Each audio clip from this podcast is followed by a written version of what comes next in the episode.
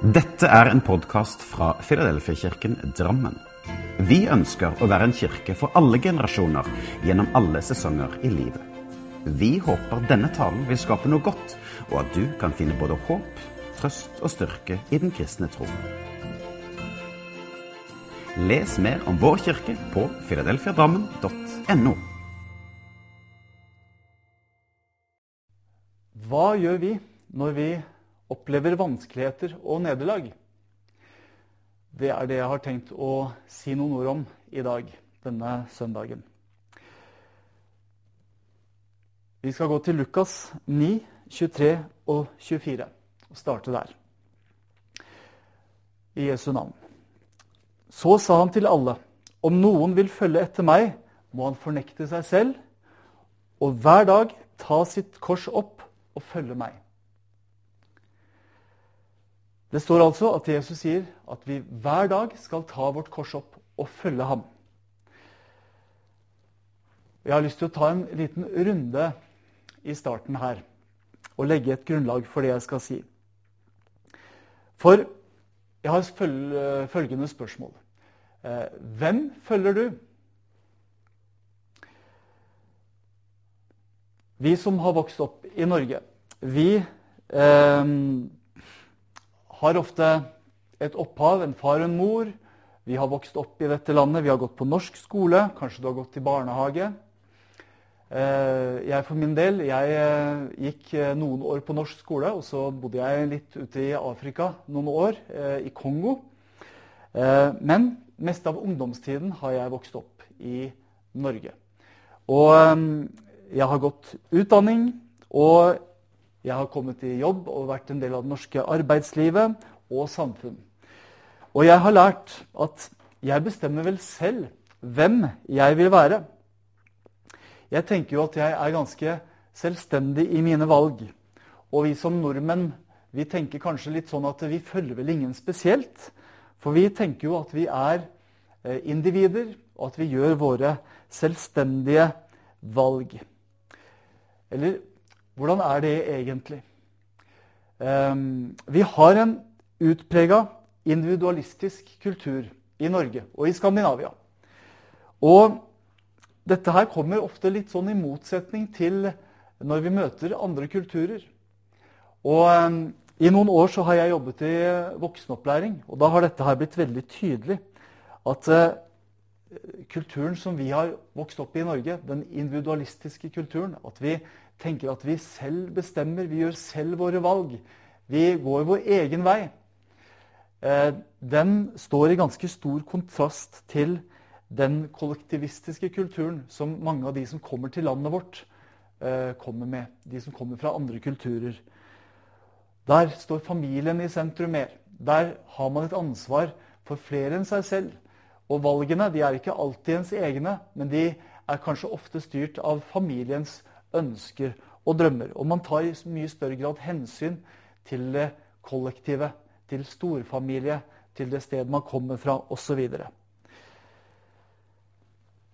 Men i Norge så tenker vi ofte sånn at jeg er en myndig og rasjonell, logisk tenkende individ som tar frie beslutninger. Men sannheten er at i løpet av vår livstid så har vi nok endret mye på våre tanker, holdninger og innstillinger til veldig mange ting. Hvis vi begynner å tenke oss godt om, tenke bakover Hvor var jeg da jeg var eh, helt ung, og hva tenker jeg nå? Kanskje har ganske mange av våre holdninger og tanker endret seg. Poenget som jeg har lyst til å komme fram til, det er at vi lar oss prege av synspunkter, holdninger og tanker som andre har tenkt før oss. Bare for kanskje ta et litt banalt eksempel. da. Men eh, f.eks. når vi skal innrede hjemmet vårt, eller vi skal bygge oss et hjem, så var det jo sånn for eh, en del år siden at furu, det var skikkelig inn. Det var tingen. Man lagde furupaneler over, eh, rundt på veggene sine. Man hadde furumøbler, man hadde furuskap, man hadde furuskjenk og man hadde furukommode. Og man syntes det var nydelig. Men disse naturlige tegningene fra treverket som strålte og skinte imot oss fra alle kanter. Og så er det noe som har skjedd med åra. Plutselig så, så, blir det som eh, var liksom nydelig, naturlig furu, det har blitt til furuhelvete. Vi har hørt eh, eiendomsmeglere og sånne, de, de bruker sånne ord. Eh, og plutselig så skal det være lyse, glatte flater. Møbler skal være metall og glass og osv. Så, videre. så har motebildet endret seg fullstendig. For det er jo det dette her er, og det forstår vi. Men det er jo litt påfallende da, at eh, det man syns var nydelig for noen år siden, det er noe som på en måte ikke er noe verdt, og som vi bare kan gi bort eller selge eh, nå. Og plutselig så kommer det nye ting som man, man syns plutselig er veldig pent. Og så har vi en sånn kollektiv eh, dreining mot hva som ikke er pent lenger, og hva som vi syns er pent. Og sånn er det også med, med mote, med klær og med hår og i det hele tatt. Jeg husker jeg og kona mi vi kjørte forbi en ungdomsskole her for, for et par år siden. Og, og, vi vet jo at vi er jo individualister. Og mange liker å tenke og si også at jeg, jeg liker å ta min egen vei og jeg gjør mine egne valg. Så så vi en, en gjeng med jenter som gikk langs, um, som skulle til skolen. Og, og, og, de gikk liksom mot skolen. Så så vi at alle hadde jo samme sveis. Alle hadde samme hårlengde. De hadde samme jakka og samme sekken. De så helt like ut, alle sammen. Og sånn er vi litt som mennesker. Kanskje selv om vi tenker at vi gjør våre egne valg, så, så, så blir vi ganske preget av de strømningene som er i tiden. Om det være seg mote eller andre ting. Og det er akkurat det som er at dette handler også om andre ting enn mote. Det handler om vår retning i livet. Våre meninger, vår tanke, våre holdninger og våre verdier de også blir preget. Og da er spørsmålet igjen hvem følger du? I samfunnet vårt så pågår det en stor diskusjon, eller en kamp om du vil, om din og min oppmerksomhet. Og det er veldig mange som har mye å si om hvem du skal være, hva du bør gjøre, hva som er sunt, og hva som er rett og riktig og viktig, osv. Jeg tenker jo at vi som kirke, vi som er kristne i denne tiden, vi må melde oss på i denne debatten, i denne kampen, om du vil, eh, denne diskusjonen. For når vi tar på alvor og lytter til det Jesus har å si, og på alvor forsøker å følge Jesu råd og hans instruksjoner, når vi studerer hans liv, da tenker jeg at det er noe av det beste vi kan gjøre. Og det å ta hans råd og instruksjoner og se på hans liv og la oss prege av det. Og la hans tanker og hans ideer være våre tanker og våre ideer. Det er noe av det beste man kan gjøre. Så hva slags menneske skal jeg være? Hvilke verdier er det viktigste for meg? Hvordan skal jeg tenke om andre? Denne søndagen her, det er en ny mulighet til å bestemme seg igjen for dette. For det er akkurat det vi må gjøre. Vi må stadig ta opp vårt kors hver dag, som jeg leste i teksten her i stad. Eh, hver dag og følge ham. Og la hans tanker og hans verdier bli våre tanker og våre verdier, en del av vår identitet. Kanskje har du ikke tatt den beslutningen, og da kan du gjøre det i dag. Kanskje for første gang. For jeg både vet og jeg tror at vi er preget av noen. At vi følger noen. Noen får sette preg på mine tanker og holdninger og retning på mitt liv. Og da er spørsmålet hvem skal det være? Og jeg ønsker for min del at det skal være Jesus. Og samtidig så vet jeg at det må jeg bestemme meg for. Igjen og igjen. For det er så mange andre stemmer som roper i øret mitt, og som roper i våre ører. Så la det være Jesus som er din influenser, ditt forbilde. Vær en disippel av Jesus. Hva sa Jesus om sannhet? Hva sa han om det viktigste livet? Hva sa Jesus om andre mennesker? La det prege deg, dine verdier, dine prioriteringer. Ingen andre kan velge dette for deg. Denne beslutningen må du ta. Den må jeg ta. Jesu ord og handlinger skal være en del av vårt liv, en del av min identitet, vår identitet. Så hvordan gjør man det, da? Jeg vet ikke. Det er kanskje ikke så lett å rekke opp hånda og si at det her det får jeg til 100% Men vi trenger å gjøre dette om og om igjen. Og da er spørsmålet slipper vi bekymringer og problemer osv. da? Nei, dessverre, det gjør vi ikke. Alle har erfart, tror jeg, at livet det kan by på alle typer mulige problemer, smerte. Men, og det er det jeg har lyst til å komme fram til i denne prekena, det fins noen kilder for deg som følger Jesus, som har gjort Jesu ord og Jesu tanker og Jesu verdier til dine til en del av din identitet. Du som har tatt imot Jesus. Det fins noen kilder, eller noen kraftfelt, om du vil, som vi kan gå inn i når livet byr på vanskeligheter og problemer. Jeg har lyst til å snakke om to ting. Jeg har lyst til å snakke om fristelser som en utfordring, som en prøvelse. Og så har jeg lyst til å snakke om nettopp det jeg akkurat sa prøvelser. Fristelser og prøvelser. Som etterfølger av Jesus. Hva gjør vi når vi havner, det, havner i disse tingene?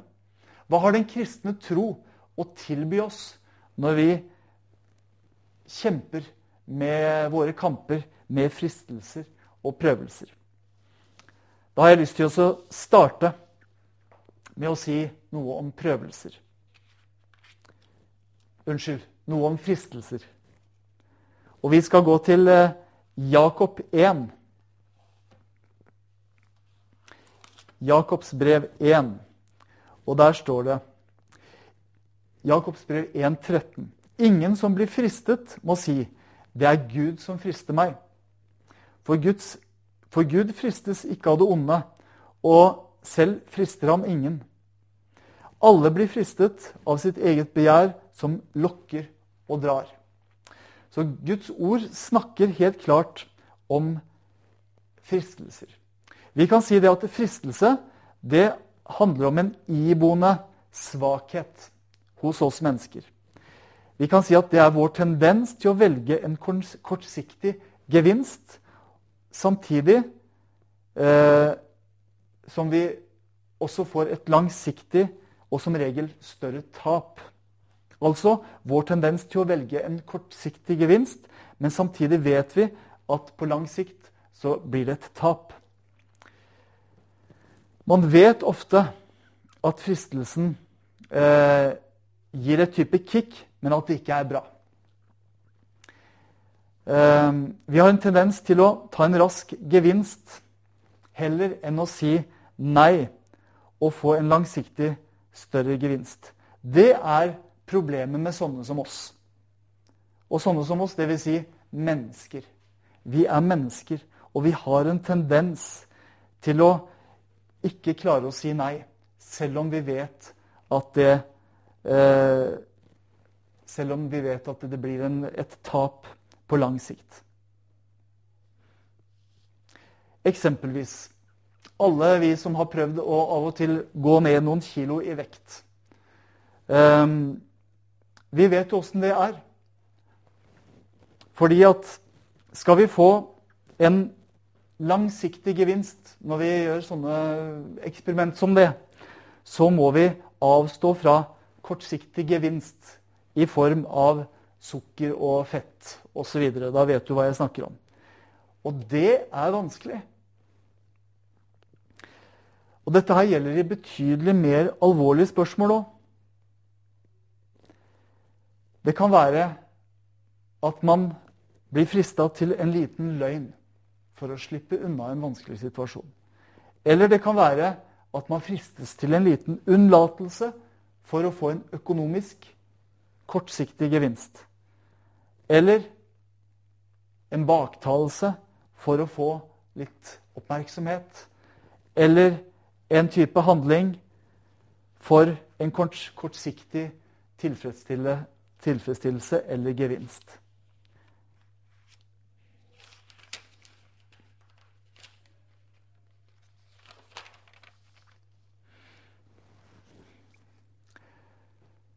i, dette, i disse tilfellene så har vi en kilde, eller et kraftfelt, om du vil.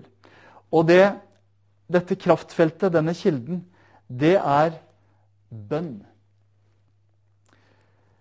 Jesus lærte oss en bønn. Og, denne bønnen så, og denne bønnen heter Vår Far. Og i denne bønnen så ber vi La oss ikke komme i fristelse. Vi innser at jeg er svak. Her er jeg i en fristelse. Og så kan vi be Frels meg fra det onde. Vi ber fordi vi innser at vår kraft tar slutt. Vi trenger en annens kraft. Og vi kan sette våre liv under dette kraftfeltet som vi kaller bønn, og som i Bibelen heter bønn. Og Jesus han lærte oss å be disse. La oss ikke komme i fristelse. Frels oss fra det onde. Og dette kraftfeltet, bønnens kraftfelt, det trenger vi når vi merker at vi har en tendens til å ta feil valg. Når jeg merker at, eh, at jeg er svak. Og det gjør vi jo i tilfeller hvor vi kjenner på fristelser. Da merker vi spesielt vår egen svakhet. Når jeg vil velge en kortsiktig gevinst som gir et langsiktig tap, da tilbyr Jesus meg, da tilbyr den kristne troen meg en kraft i bønnen. Men så har jeg merka meg da, at det er jo i akkurat disse tilfellene, når vi er svake, og når vi, er, eh, når vi har en tendens til å ta feil valg Vi kjenner at vi, vi lokkes, vi kjenner at kraften, vår egen kraft liksom bare eh, ebber ut eh, til fordel for denne fristelsen som står foran oss. Ja, da er det mange som slutter å be.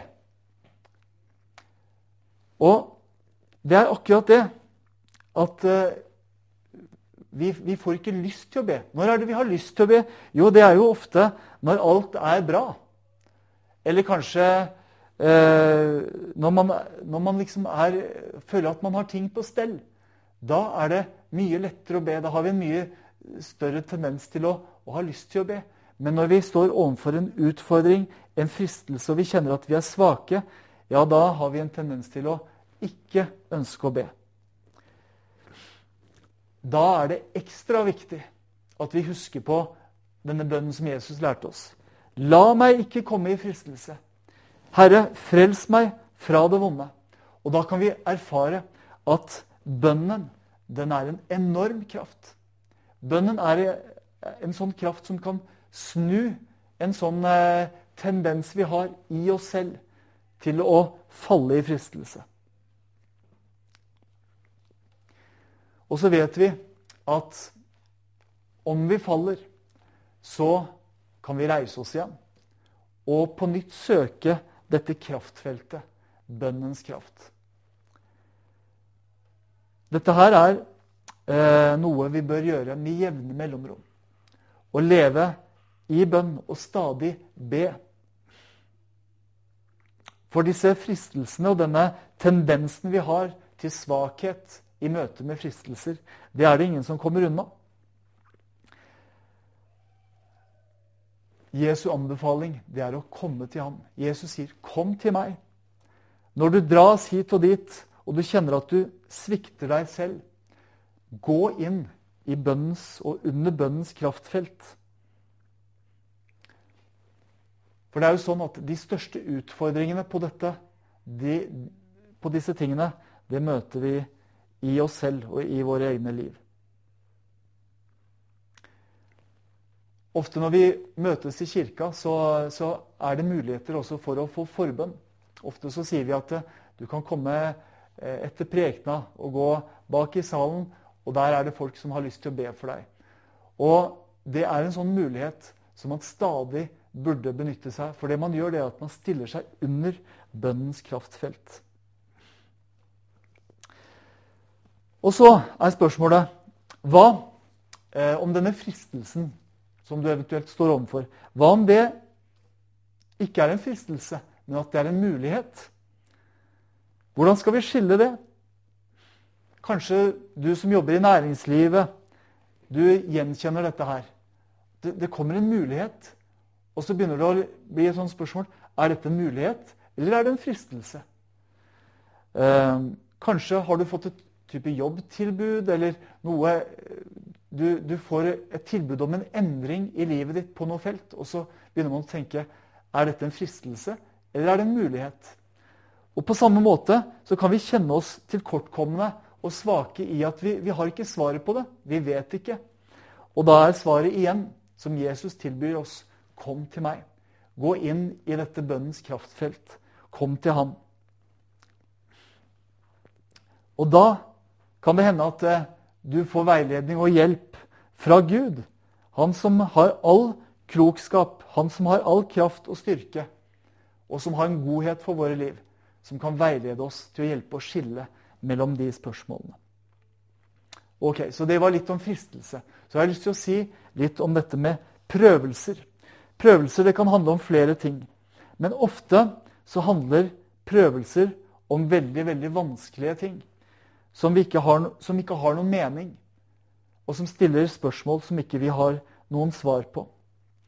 Noen ganger har jeg lyst til å si, så kan prøvelser også handle om eh, at, at eh, Gud vil veilede oss og utfordre oss og lære oss noe nytt.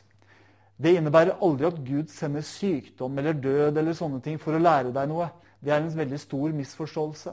Men av og til så kan også vonde, vanskelige ting eh, Kan Gud bruke det til å gi oss en ny kunnskap. Men det er noe annet.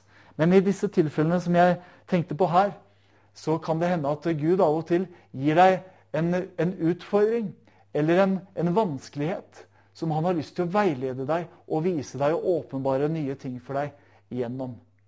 Men som sagt, aldri sykdom og død, for det er ikke sånn Gud er. Men i hvert fall litt tilbake til dette med, med prøvelsene, de vonde, vanskelige tingene som, som er meningsløse. Når barn dør, når naturkatastrofer rammer, og mennesker omkommer. Når unge menn dør i skyttergraver i Ukraina. Altså en belastning, et trykk, en, en eh, noe ondskap som bare er helt uten hensikt.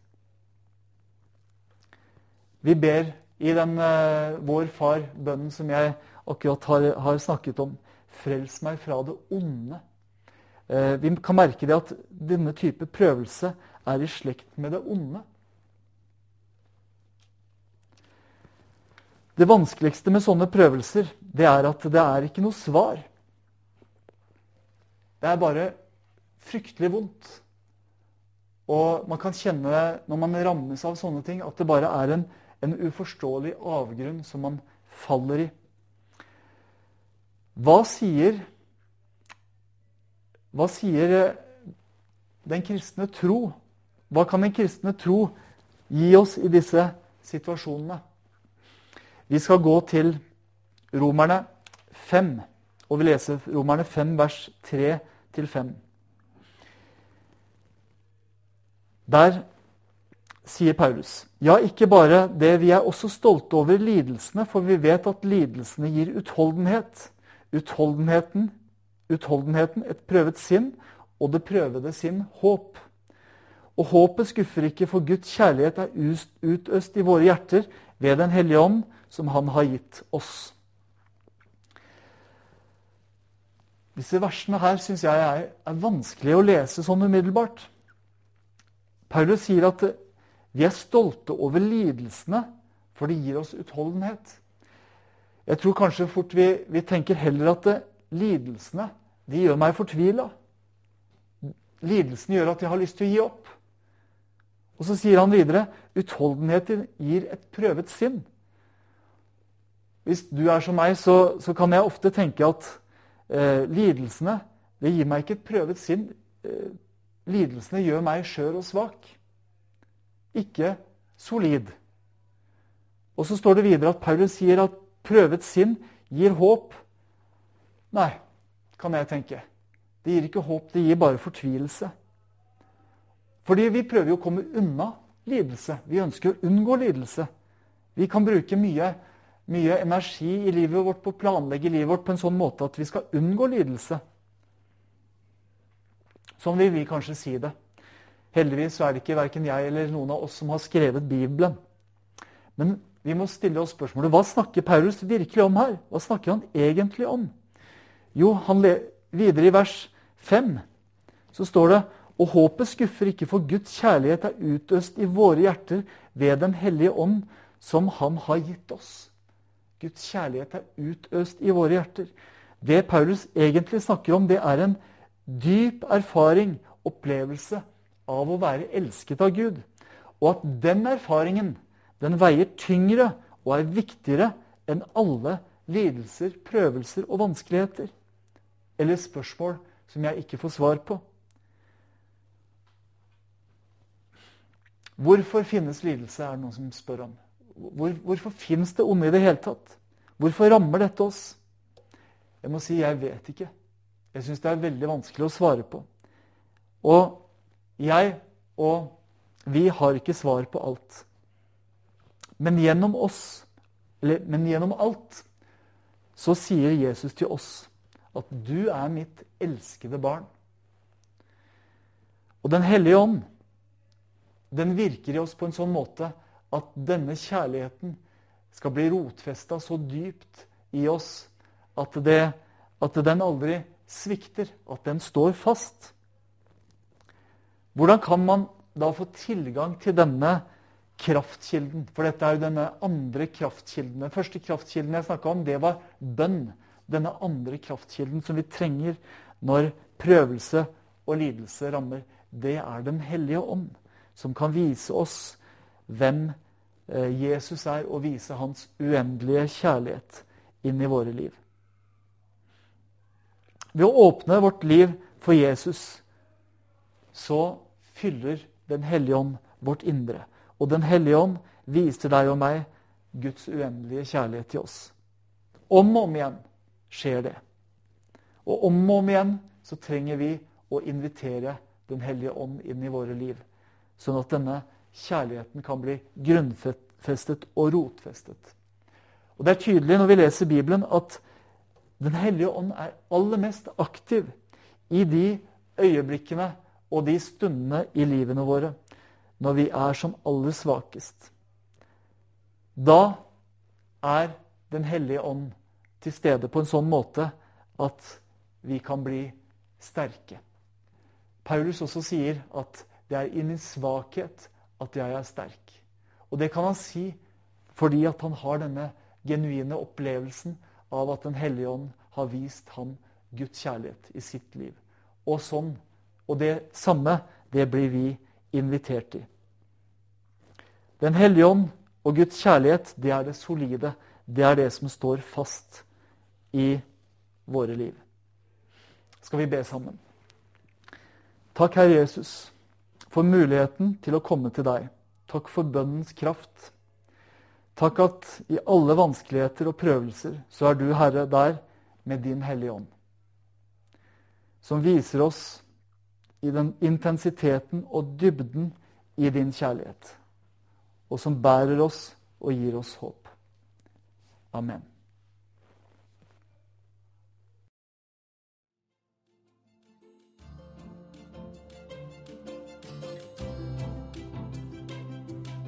Som en avslutning på denne podkasten ønsker vi å lyse Herrens velsignelse over deg. Herren velsigne deg og bevare deg. Herren la sitt ansikt lyse over deg og være deg nådig. Herren løfte sitt åsyn på deg og gi deg fred.